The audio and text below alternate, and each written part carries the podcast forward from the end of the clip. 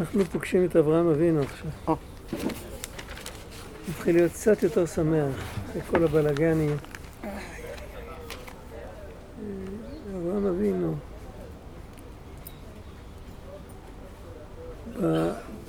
הפסוק הראשון בפרשה, אודות אברהם אבינו, ויאמר השם אל אברהם, לך לך מארצך וממולדתך ומבית אביך אל הארץ אשר אראך. ואחר כך, ואעשך לגוי גדול, ואברכך, ואגדלה שמך, ואהיה ברכה, יברכו בך כל משפחות האדמה, וילך אברהם כאשר דיבר אליו השם. בפסוק הראשון, המילה לך היא נראית מיותרת. לך מארצך ומולדתך ומבית אביך אל הארץ אשר הרקע, והאמת שכל ה, כל המשפט הארוך הזה הוא מיותר. לך אל הארץ אשר הרקע. זה הכי פשוט. רש"י אומר, לך לך להנאתך ולטובתך. ושם אעשך לגוי גדול. השאלה שנשאלת, מיד קופץ לנו בראש, אה, הקדוש ברוך הוא מחנך את אברהם לעבוד אותו שלא לשם שמיים, נכון? ככה זה יוצא. לך לך להנאתך ולטובתך. זה לא מתקבל, כאילו, מה, אברהם אבינו בן 75, זכה לנבואה, ועדיין הוא עושה את הכל רק, וככה מפתים אותו להנאתך, לטובתך, זה דבר אחד. דבר שני, מה שלא ברור, זה למה לא אומרים לו, אה, לך לארץ כנען. הבן אדם יוצא לדרך, הוא צריך לדעת פחות או יותר לאן הוא מגיע, לאן הוא אמור להגיע. צריך לדעת את אורך הדרך וכל זה. במקום זה אומרים לו, לך בצמתים, אני אהיה איתך ואני אגיד לך לפנות ימינה, לפנות שמאלה. בכל צומת אתה תעצור ותשאל ואני אגיד לך. בינתיים אתה לא יודע, אתה לא אמור לדעת לאן אתה הולך. זה נראה לנו כאילו שזה מקשה על הניסיון. נכון? באמת, זה אחד מהניסיונות, עשרה ניסיונות נתנסה אברהם אבינו. אחד מהניסיונות זה הניסיון של לך לך. תעזוב מקום מסודר, פחות או יותר, איפה שהוא היה. לא משנה איפה שהוא היה, הוא... ברמב"ם כתוב בהלכות עבודה זרה שאברהם אבינו ברח מאור כסדים. נעשה לו נס וברח, הצליח לברוח מאור כסדים, כי אחרת המלך של אור כסדים היה הורג אותו, כי הוא כפר בעבודה זרה שלו. הוא היה מבוקש מספר אחד שם. והוא ברח משם, אבל הוא, הוא ישב באיזשהו מקום, ובמקום שהוא ישב אף אחד לא איים עליו. ופתאום אומרים לו קום ולך ולא מגלים לך לאן תלך. אז זה מגדיל את הניסיון. וכמובן שכשיש ניסיון, אז כל ניסיון מביא את האדם למדרגה יותר גבוהה, ועל זה נדבר ב, ב, ב, בעוד, בעוד, כאילו, בעוד פרק. על מה, מה כשמדברים, לומדים לך לך, אז לומדים כל הזמן על הניסיונות. מתחילת לך לך עד סוף וירא, יש שתי פרשיות שמסופר על ניסיונות. הרב, הוא מקבל פה ברכות, אעשיך לגוי גדול, ואני כן, אברך כן, אותך. כן, כן, אז אנחנו עוד פעם. ומי שמברך אותך מבורך, וההפך כן, זה בהפך. אוקיי. יש פה ניסיון שהוא, נכון, זה ניסיון מרוכך, כן. נותן לו את אוקיי. הכל. עוד מעט, כשנסביר את זה הכל יסתדר.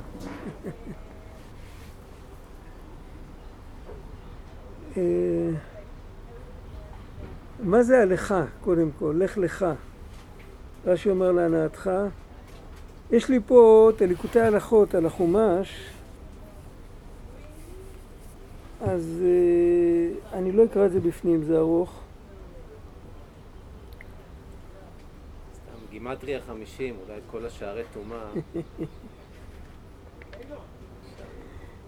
אני אקרא רק את ההתחלה, ההתחלה של הקטע השני. לך לך זה כמו לך אליך. תלך אל עצמך. תתחיל לעשות טיול שהמטרה זה אתה, הלב שלך. לך אל עצמך. שכל הילוכך ונסיעתך יהיה לך ואליך לבד. היינו לעצם נקודת האמת שזה עיקרך וחיותך.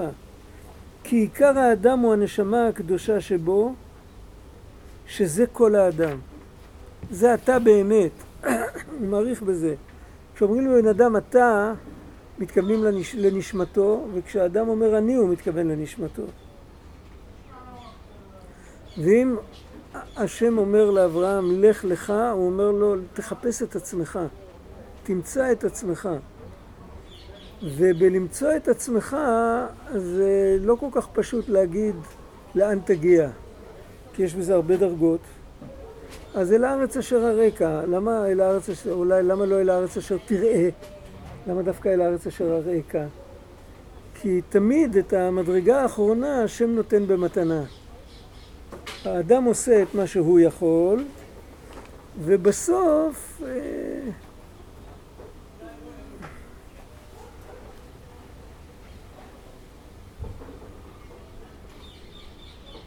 את הפסיעה האחרונה תמיד הקדוש ברוך הוא מעביר אותו. הבן אדם עושה עד איפה שידו מגעת. אז בשביל זה כתוב אל הארץ אשר אראך. ולפי זה אפשר להבין עוד פן, עוד הסתכלות, זו הסתכלות קצת שונה מהרגיל, שזה לא, זה לאו דווקא מגדיל את הניסיון, אלא להפך זה מקטין את הניסיון. יש לפעמים שבן אדם, כשבן אדם מכוון למטרה, או מכוון לתכלית, וכדי להגיע לתכלית צריך לעבור אה, קטע קשה, זה ניסיון. אבל אם בן אדם עדיין לא יודע את התכלית, הוא רק יודע, הוא חייל פשוט. חייל פשוט יכול ללכת 100 קילומטר, וכל מה שהוא יודע זה שהוא צריך להסתכל על הנעליים של מי שהולך לפניו. זה כל החוכמה. במסעות. כל החוכמה זה לא לאבד את הנעליים של מי שהולך לפניך. אם אתה תתחיל לחשוב שאתה צריך ללכת עכשיו 100 קילומטר, לא יהיה לך כוח ללכת אפילו מטר אחד. אם אתה תחשוב שאתה לא צריך לעשות כלום, אתה בעצם... מה אמרו לך? אמרו לך ימינה פנה, פנית ימינה. אמרו לך קדימה צעד, צעדת ימינה. אתה עושה מה שאומרים לך. כמה זמן השיגעון הזה ייקח? לא מעניין אותי. כשנהיה עייפים ודאי ננוח, וכשנהיה רעבים ודאי יביאו לנו אוכל. וברגע שאני מוריד מעצמי את הדבר, אז, אז זה נהיה יותר קל. עכשיו, אבל, אבל מה? בגלל זה זה גם הרבה יותר קשה. כי להוריד מעצמי את הדבר זה קשה. יש איזה שני סיפורים. משל אחד יש על זה בחיי מאורן, כתוב שיש אה, הר של אש שמאחוריו יש אוצר, וכדי להגיע לאוצר צריך לעבור את ההר של האש, ואנשים רוצים להגיע לאוצר ולא יודעים איך לעבור את ההר של האש, וכתוב שם בסוף שיש עצה איך לעבור את ההר של האש, ולא כתוב מהי העצה. זה סיפור אחד. סיפור שני,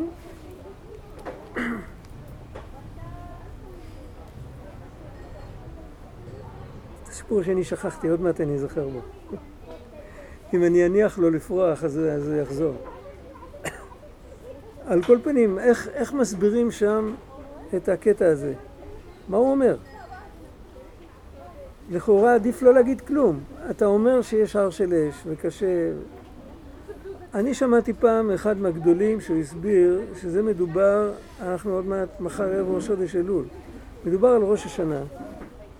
ובראש השנה זה יום שבו אנחנו מפנים את הפנים לקדוש ברוך הוא, זה היום הראשון של עשרת ימי תשובה, ראש השנה. אומרים עשרת ימי תשובה, אז זה כולל גם את ראש השנה וגם את יום כיפור.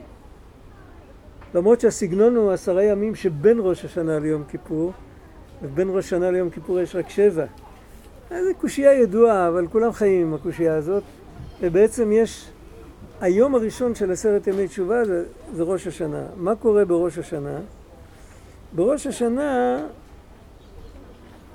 העבודה היא להתמסר לגמרי לקדוש ברוך הוא. בשביל זה לא אומרים וידויים בראש השנה, אסור. לא אומרים אשמנו בגדנו בראש השנה, מה שכן אומרים מלך על כל הארץ. זה העבודה של ראש השנה, לקבל עול מלכות שמיים, להתמסר לגמרי לקדוש ברוך הוא. וכשמתמסרים לגמרי לקדוש ברוך הוא אפשר לעבור את, ה... את ההר של אש.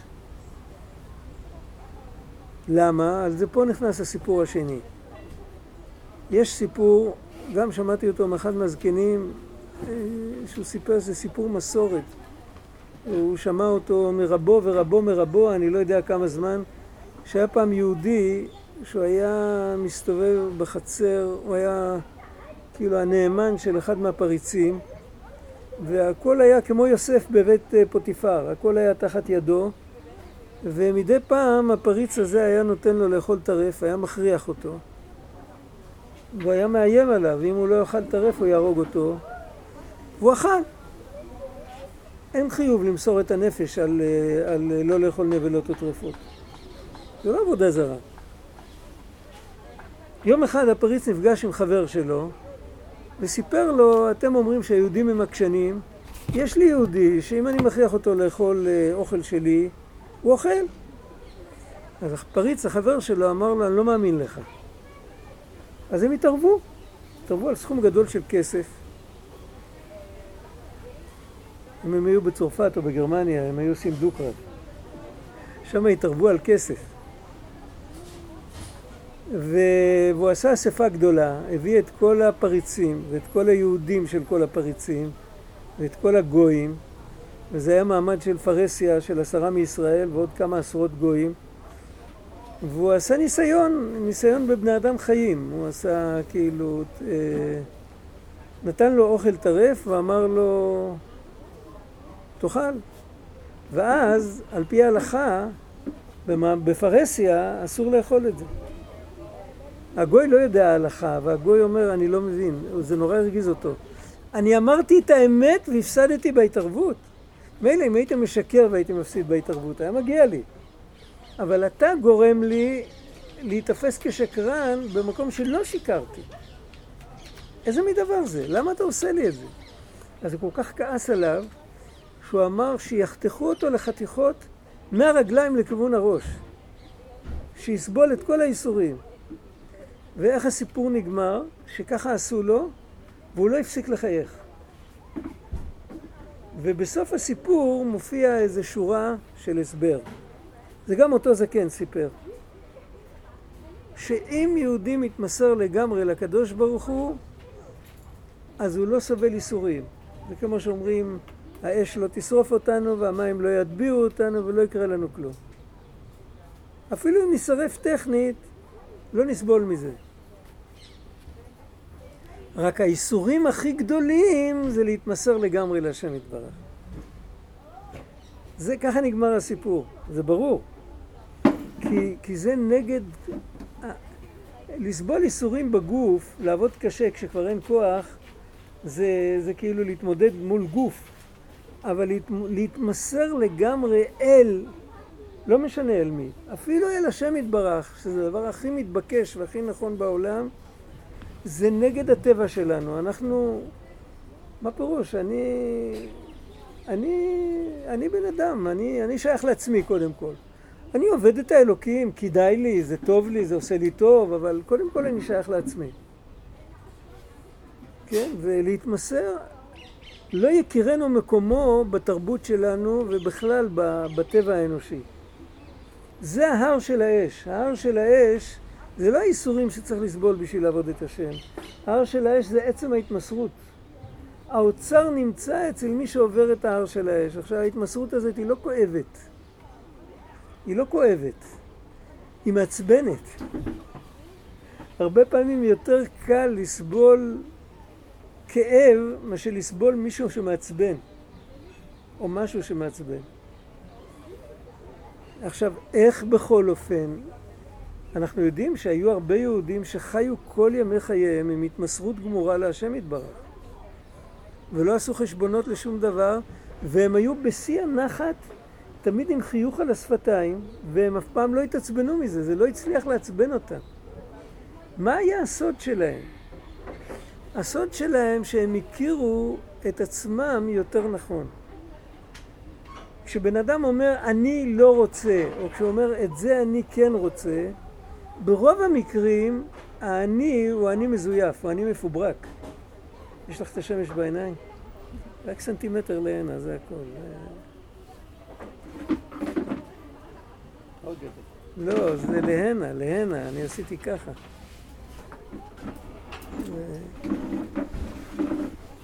אוקיי, עכשיו יותר טוב. האני הזה הוא בדרך כלל סתם, זה... אני, יא, אני.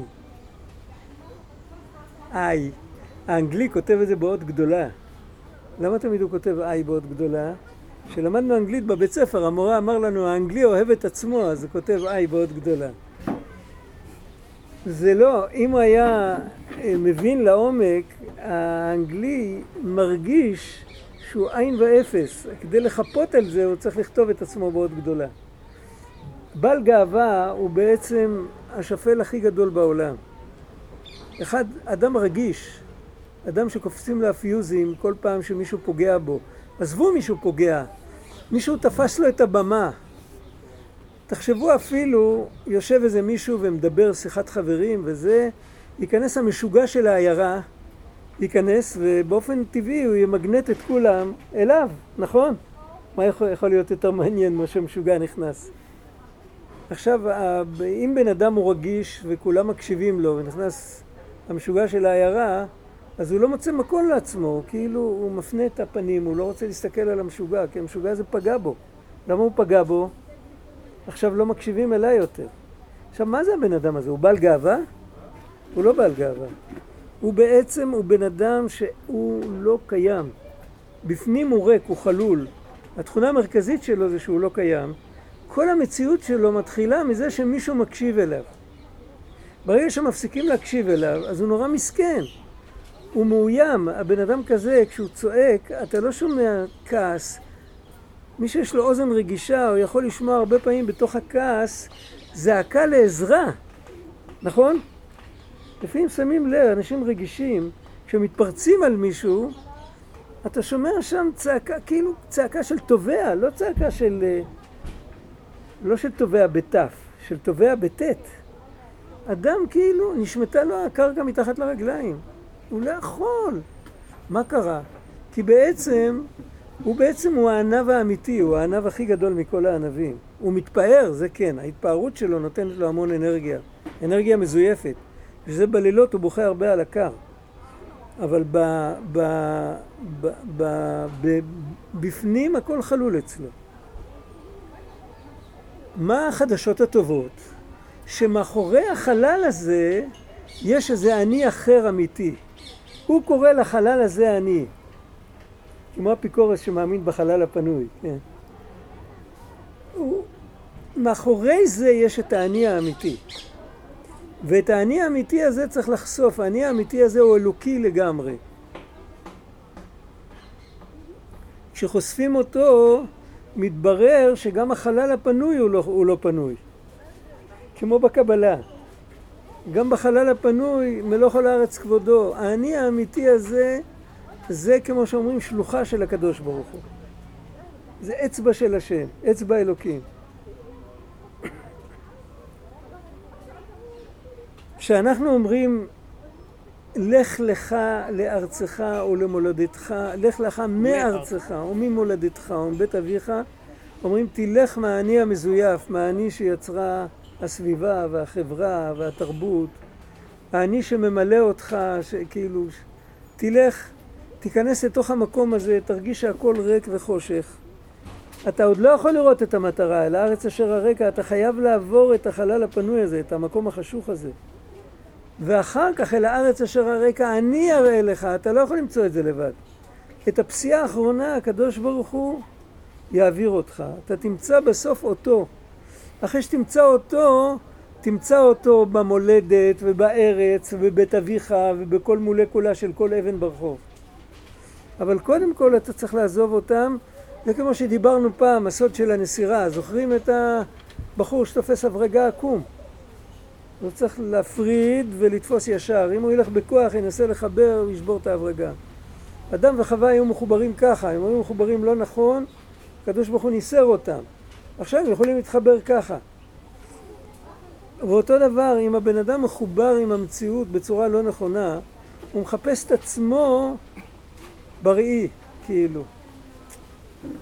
זה, הוא מחפש את ההשתקפות שלו, מה אומרים עליי, מה חושבים עליי. הוא חי בתוך בלוף. קודם כל הוא צריך לך לך, תסתלק מכאן, אל תהיה בתוך הבלוף, תלך, רוץ, תברח.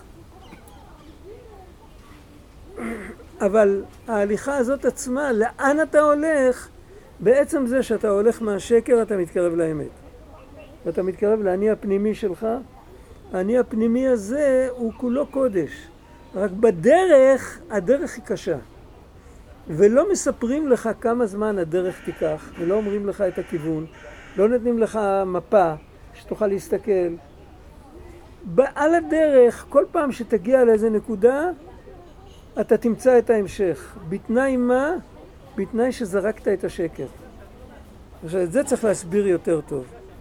בליקוטי מהר"ן יש קטע שכתוב שם, זה כתוב משל. משל, המשל אני חושב הוא עתיק יומין, נראה לי ככה. שיש אנשים שיש להם ערימה מצחינה של זבל בחצר, ואין להם כוח לפנות את זה. אז מה שהם עושים, מכסים את זה עם זבל חדש. הזבל החדש פחות מסריח, אבל כמה זמן זה עוזר? הוא אומר את זה לעניין אמת ושקר. שיש בן אדם שהוא חי בתוך בועה של שקר.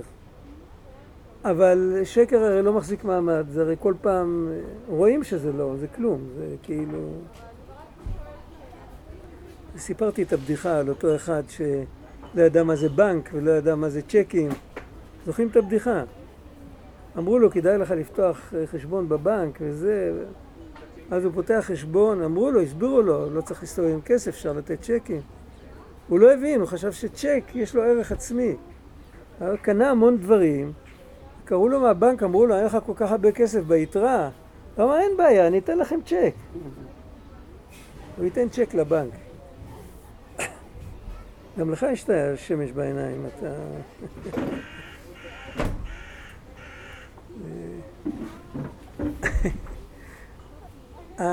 מה העניין בכל אופן? העניין הוא שאנחנו עושים את זה כל הזמן. הבדיחה הזאת היא בדיחה חכמה. אנחנו הטמבל, זה לא... לא מתבדחים על איזה מישהו שהוא בא מ... אני יודע מה, הוא בא מאפגניסטן, הוא לא היה שם בנק, הוא עלה לארץ, אז אה, זה לא זה. מתבדחים עלינו. אנחנו החבר'ה, אנחנו חיים בתוך שקר, וכשצריך לפתור את הבעיות שהשקר יוצר, אז ממציאים עוד שקר בשביל לפתור את זה. בסדר, בעוד שבוע גם השקר הזה יתפוגג. אז מה, מה בכל אופן? העניין הוא שבן אדם צריך להגיד ככה, את האמת אני עוד לא יודע, אני רק יודע שאני בדקתי וראיתי שזה לא נכון. אבל בגלל שזה לא נכון, אני יודע לפחות שלכאן אני לא רוצה להיכנס יותר. אני אחפש. למרות שכולם תופסים אותי, אני נתפס כטמבל, כל הזמן האמנתי במשהו, היה איזה פרופסור, דוקטור, ב... היה, אמרו עליו כולם שהוא משוגע, הוא היה באוניברסיטת תל אביב, כל כמה שנים הוא הדפיס ספר שסתר את כל התזות של הספרים הקודמים שלו. הוא אמר, ראיתי שזה שקר. אף אחד לא עושה את זה. למה אמרו עליו שהוא משוגע? הוא לא היה משוגע, הוא היה אמיתי. בסוף הוא כתב שאולי הוא עוד יחזור בתשובה פעם. שנה אחרי זה הוא מת. אבל, אבל היה, לי, היה לי דוד של אשתי שהכיר אותו. אני לא מספר סיפורים סתם. אבל על כל פנים, האדם שיש לו את האומץ לעמוד קבל עם ועדה ולהגיד כמו אברהם אבינו, תדעו לכם חבר'ה, כתוב ברמב"ם שאברהם אבינו גם עבד אלילים ביחד עם כולם. ביום בהיר אחד הוא הבין שזה שקר, אז הוא הלך ברחוב, יש איזה, בחיי מהר"ן, אריכות שלמה, הוא מתאר את זה ב... הוא מביא את זה פה, איך שאברהם אבינו היה הולך ומדבר עם אנשים וכולם היו אומרים שהוא משוגע ומבזים אותו ורצים אחריו כמו שרצים אחרי משוגע וכל זה. ו... אבל אברהם אבינו ידע דבר אחד, הוא ידע שזה שקר, אז הוא נלחם נגד השקר. מה האמת הוא עוד לא ידע. אחר כך הקדוש ברוך הוא התגלה אליו, והקדוש ברוך הוא אמר לו, הנה אני האמת. זאת אומרת, הוא עבר את החלל הפנוי הזה של כלום באמצע, והוא הגיע בסוף לנקודה, הוא הגיע לאני האמיתי. האני האמיתי זה הלך לך. עכשיו, למה כתוב כאן להנאתך ולטובתך? אני חושב, עד כאן זה פחות או יותר, זה מהלך אחד. שיש כאן עוד כמה מהלכים שהם איכשהו מתחברים ביחד. מה זה הלך לך להנאתך ולטובתך? יש עוד טעות בתפיסה, יש טעות מאוד נפוצה. המסילת ישרים מביא את זה בהקדמה. זוכרים את ההקדמה של המסילת ישרים? הוא כותב שם שכל מי שרוצה לעבוד את השם מתחיל לעשות טבילות קרח ושלג ותעניות וסיגופים וכל מיני... יש לך מקום אחד, פה. פה אין שמש.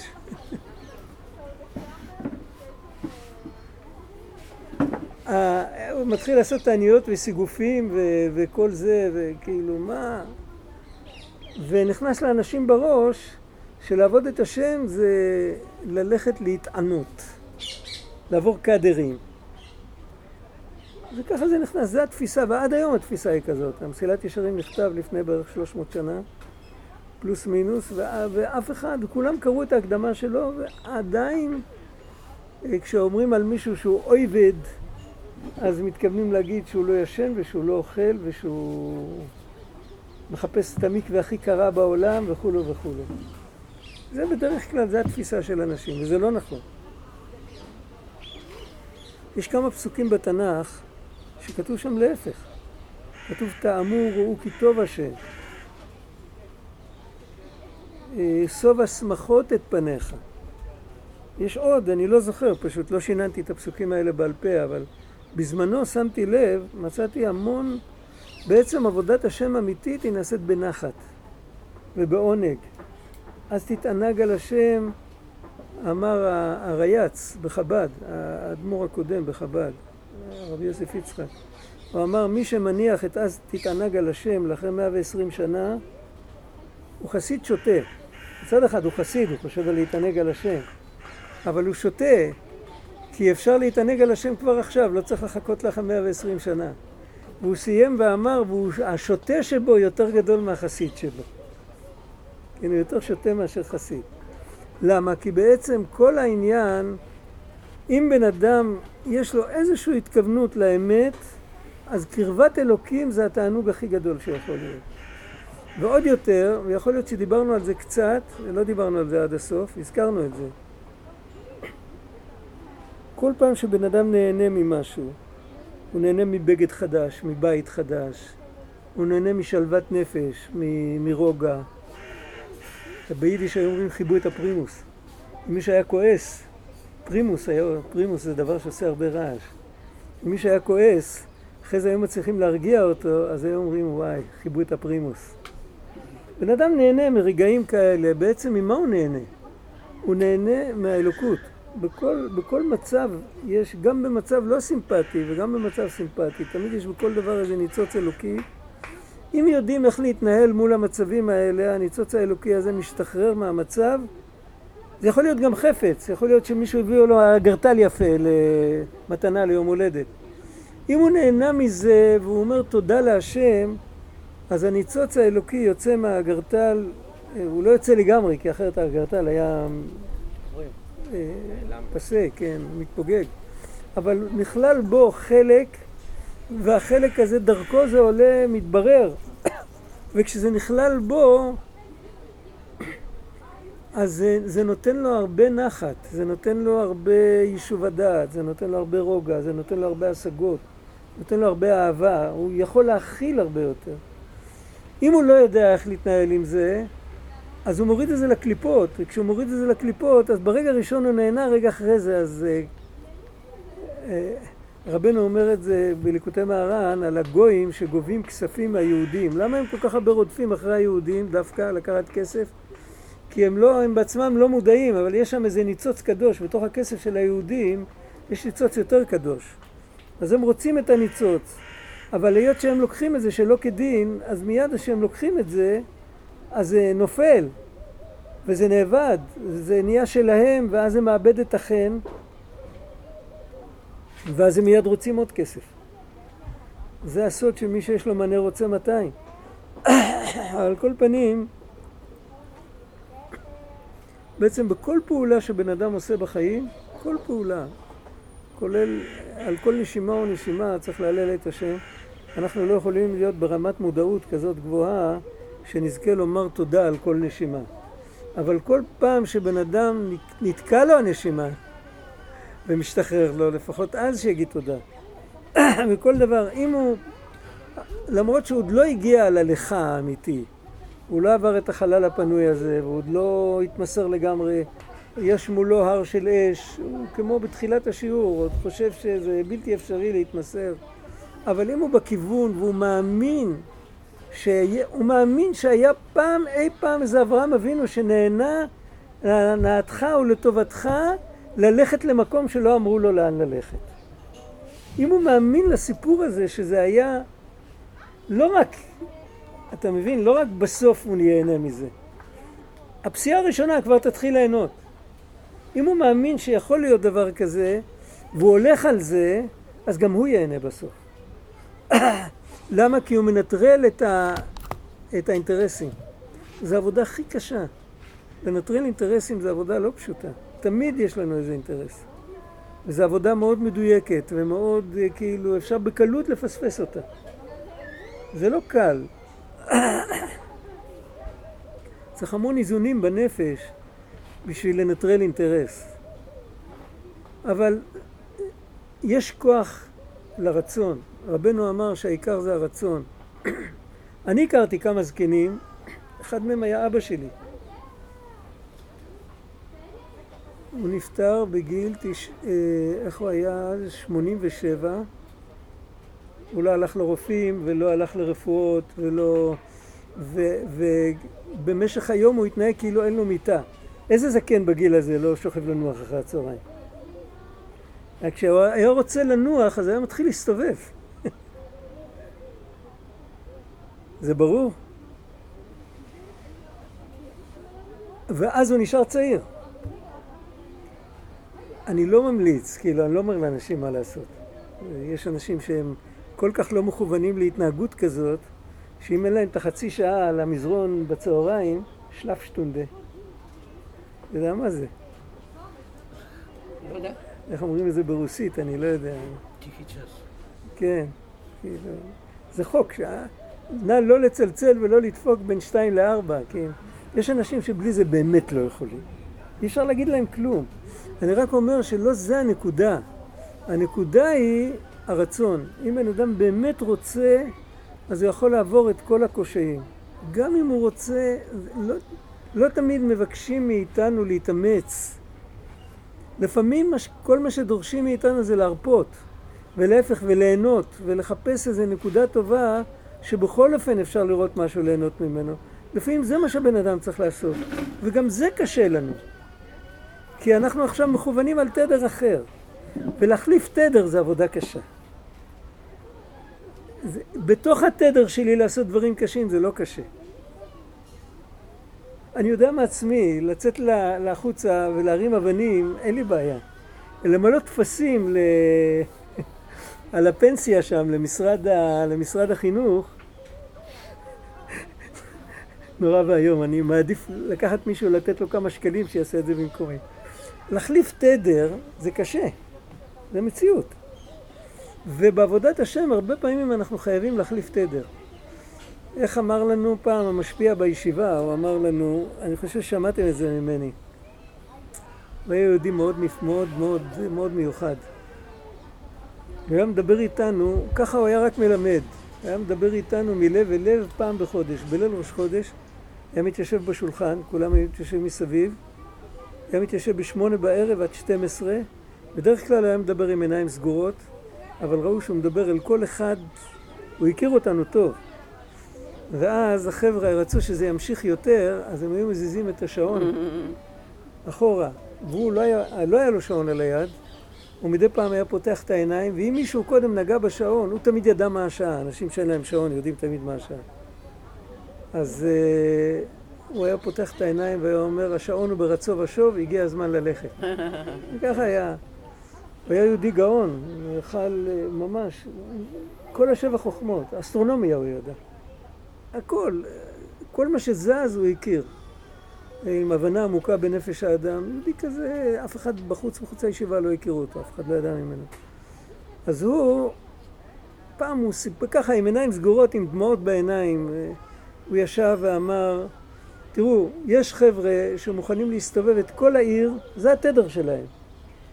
להלביש ערומים, לפדות שבויים, אה, לרפא חולים, לעודד מסכנים. חצי שעה לשבת ליד ספר, אין להם כוח. יש חבר'ה שמוכנים לשבת מ-10 בבוקר עד 10 בלילה להתנדד על ספר.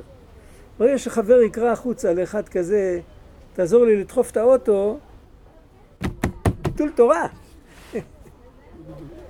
כן. אז, ואז הוא אמר, הוא אמר את זה עם ניגון, הוא אמר, מה לעשות שהשם יתברך רוצה מאיתנו את שניהם? הוא רוצה גם את זה וגם את זה. הוא רוצה גם שנשב ונלמד, הוא רוצה שגם נסתובב בכל העיר ונעזור לאנשים. ואז מה אנחנו צריכים לעשות? צריך לנדוד מתדר לתדר. ולנדוד מתדר לתדר יכול רק מי שיודע להתמסר. מי שלא מתמסר הוא בתוך הקיבעון שלו.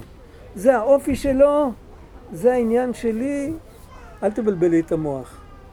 זה יביא לך ראייה, כתוב אין דעותיהם שוות, זה נכון שאין דעותיהם שוות. ולא כל אחד, אה, לא כל אחד משתכנע ממה שהשני משתכנע. אבל ברגע שהוא השתכנע להתמסר בגלל שדיברו עליו לפי דעתו, אחרי שהוא כבר יכול להשת... לה... להשת... אה, להתמסר, אז הוא כבר נמצא על ה... הוא כבר יושב על הסקאלה ויכול להעביר תדר.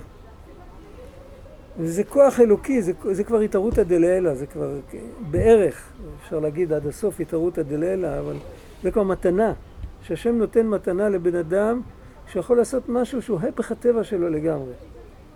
ועוד יותר, ולא מדובר על להפיל על האברסט, להתאמץ פיזית, וגם לא להתאמץ נפשית. להפך, הוא יכול להכניס את עצמו למשבצת, זה הפך הטבע שלו לעשות את זה, אבל אם הוא מצליח, יכניס את עצמו למשבצת שהוא כל הזמן ייהנה. אף פעם לא יהיה לו רע. להנאתך ולטובתך, בלי להגיד לך לאן אתה הולך. אתה אפילו לא יודע איזה צ'מדם לקחת. זה פלא. אבל מה זה העניין? זה מתחיל מזה שאתה מחפש את עצמך. אם יהודי מחפש את עצמו עד הסוף, אז הוא יכול להגיע לנקודה כזאת שיכול להתחיל דרך בלי לדעת לאן הקדוש ברוך הוא רוצה להוביל אותו. היה עוד זקן שסיפר סיפור. הוא לא סיפר, הוא סיפר המון סיפורים, אבל הוא אמר לי פעם, אה, זה יהודי שהיה, הוא התגלגל בחוץ לארץ, היה בכל מיני מקומות, הוא היה, ב, היה ברוסיה, היה שמונה שנים בסיביר, אחרי זה הרבה שנים ברומניה, עוד כמה שנים בפולין, ועוד כמה שנים באנגליה, וזה. הוא הגיע לארץ, כבר היה זקן, מאוד זקן, קרוב רחוק, משפחה. הוא אומר לי, תשמע, בארץ הוא בנה בית, בארץ ישראל. וב, והיו מקומות שהיה לו כסף. זה לא היה, לא בכל הגלגולים שלו. הוא אמר, בחוץ לארץ לא רציתי בית. אף פעם לא היה לי בית, תמיד גרתי בדירה שכורה. באתי לארץ ישראל, מניתי בית. עכשיו, מה אתה חושב, שאני כבר בטוח שאני אשאר כאן? לא. אני כמו פקק שמתאים לכל הבקבוקים. אם הקדוש ברוך הוא יסחוב אותי, ימשוך אותי באוזניים ויזרוק אותי למקום אחר ואני ארגיש שצריך אותי שם, אחרי הכל, בגיל שלי, אני מוכן ללכת לקצות העולם, זה הלך לך. לאנשי חב"ד יש תכונה כזאת, כן, כן. השליחות הזאת אה, כן, כן. בכל העולם. כן, זה, זה, אבל הנקודה זה לא הלזוז, הנקודה זה מה שעומד מאחורי זה. מה שעומד מאחורי זה, זה ההתמסרות הטוטלית. אה, אם כה יאמר הנני. פסוק.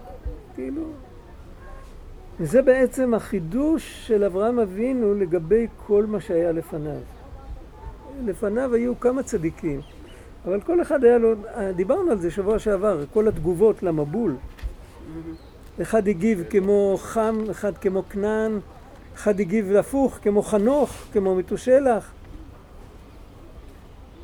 אה, לא, חנוך ומתושלח הגיבו לאנוש, לעבודה זרה.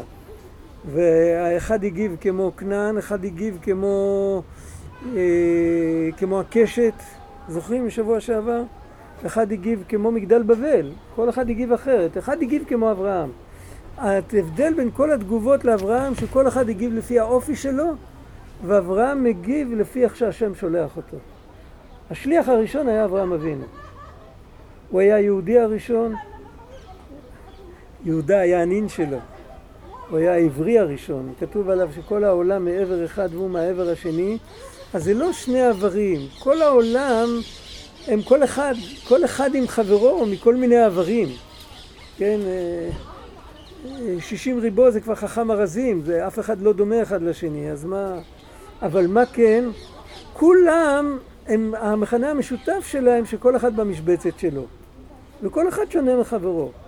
ואברהם אבינו מהעבר השני, בעבר השני אין משבצת. זה, זה המהות של היהודי. עכשיו, גם ליהודים יש לכל אחד את המשבצת שלו. אבל יש לו מהות נסתרת שבגלל שהוא יהודי נתנו לו את המפתח, הוא יכול להגיע לשם. וזה הלימוד מאברהם אבינו. זה נקרא ללכת, ללכת זה לאו דווקא לקום מהכיסא ולהתחיל ללכת. אפשר אה, במקום, באיזה, איך אומרים, באיזה חשבון נפש בקריאת שמע של המיטה, או באיזה מודה אני בבוקר, עוד לפני שזזנו, אפשר לעשות שם את הסוויץ' ולהגיד, אני הולך על זה, אני... האידיאל שלי זה לשמוע בקול השם. זה לא פשוט. יש לנו אידיאלים, ואנחנו בדרך כלל מוצאים שהתורה יש לה גם אידיאלים, והאידיאלים שלנו הם האידיאלים של התורה, נפגשים על הדרך, אז, אז הולכים כברת דרך ביחד כל זמן שהאידיאלים האלה אה, נפגשים יפה. אבל ברגע שבן אדם יגיד, זהו, אני עברתי את המשבצות ואת האידיאלים, האידיאל שלי זה לשמוע בקול השם, לנו זה נראה מלחמת עולם. אבל באותו רגע שעוברים את הפן הזה, אז מתחילים ליהנות מכל רגע. שום דבר, לא סובלים יותר. כי קרבת אלוקים לי טוב. לא, אני, אין לי את השעון בבטן, מה השעה עכשיו? עדיין. שבע דקות. עוד שבע דקות. עדיין ברצון, אבל לא בשוק. כן. עכשיו, זה קשור חזק מאוד למה שדיברנו שבוע שעבר, זה בעצם המשך ישיר. דיברנו על זה שכל המציאות, ככה התחלנו, מי שהיה בהתחלה שמע את זה, סליחה, לא יודע. שכל המציאות היא, היא בנויה בצורה של גרעין עם פריפריה. כל מערכת של גופי שמיים, מולקולה, לא משנה מה, כל דבר יש תמיד גרעין פנימי וכל ה, היתר מה שמסתובב מסביב. וכל העולמות, אז הגרעין הפנימי זה השם יתברך. זה הגרעין האמיתי, זה גרעין ההוויה. וצריך להיות איתו ברצו ושוב.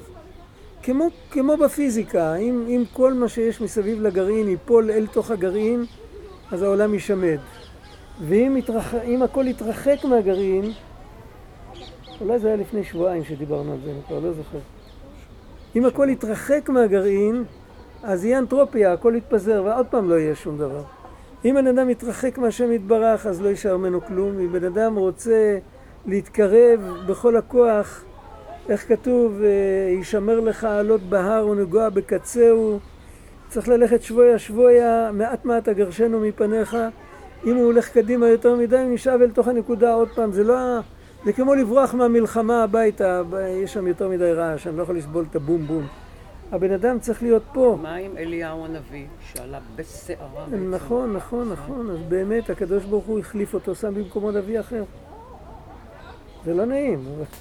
ואחר כך הוא קיבל שליחות ללמד סניגוריה על ישראל, בשביל זה הוא נמצא בכל ברית. בשביל שולחים אותו להראות לו שכל אלה שאתה דיברת עליהם, הם עושים מעשה כזה של מסירות נפש בגיל שמונה ימים של הילד. תראה על מי דיברת. כך כתוב בספרים. אבל על כל פנים, בסדר, הרבה פעמים נותנים דוגמה גם של אנשים גדולים, גם, אה, גם אה, אה, חנוך ומתושלח היו אנשים גדולים. נותנים לנו לפעמים דוגמה של אל תהיה ככה. וחוץ מזה, על אליהו צריך עוד לדבר, זה, זה, זה דבר לא פשוט, זה, זה ארוך. לא ניכנס לזה עכשיו. אבל על כל פנים העניין הוא שבעצם הלך לך של אברהם זה שתיחשף לנקודה הפנימית שלך, אל תהיה בפריפריה יותר מדי, אבל תלך, אנחנו, ולא מראים לך את הנקודה הזאת. אם יראו לך את הנקודה הזאת איך שאתה עכשיו, אתה תתבטל במציאות. אתה לא תוכל לעמוד בזה. אתה צריך להתקדם לשם לאט לאט, כל פעם הכלים שלך מתרחבים, ואז תוכל לקבל את זה, ופה אנחנו פוגשים את הניסיונות. אין דבר שמגדיל את הכלים של האדם יותר, בעמידה, יותר מאשר עמידה בניסיון. ועל זה צריך לדבר לחוד, יש על זה, אולי אני אביא על זה חומר כתוב. אה, יש על זה סוגיה שלמה, באיזה אופן עמידה בניסיון גורמת לבן אדם שהוא מקבל יותר דעת ויותר כלים, וכל פעם, וזה חלק מהעמידה בניסיון זה שלא אומרים לו מראש לאן הוא הולך.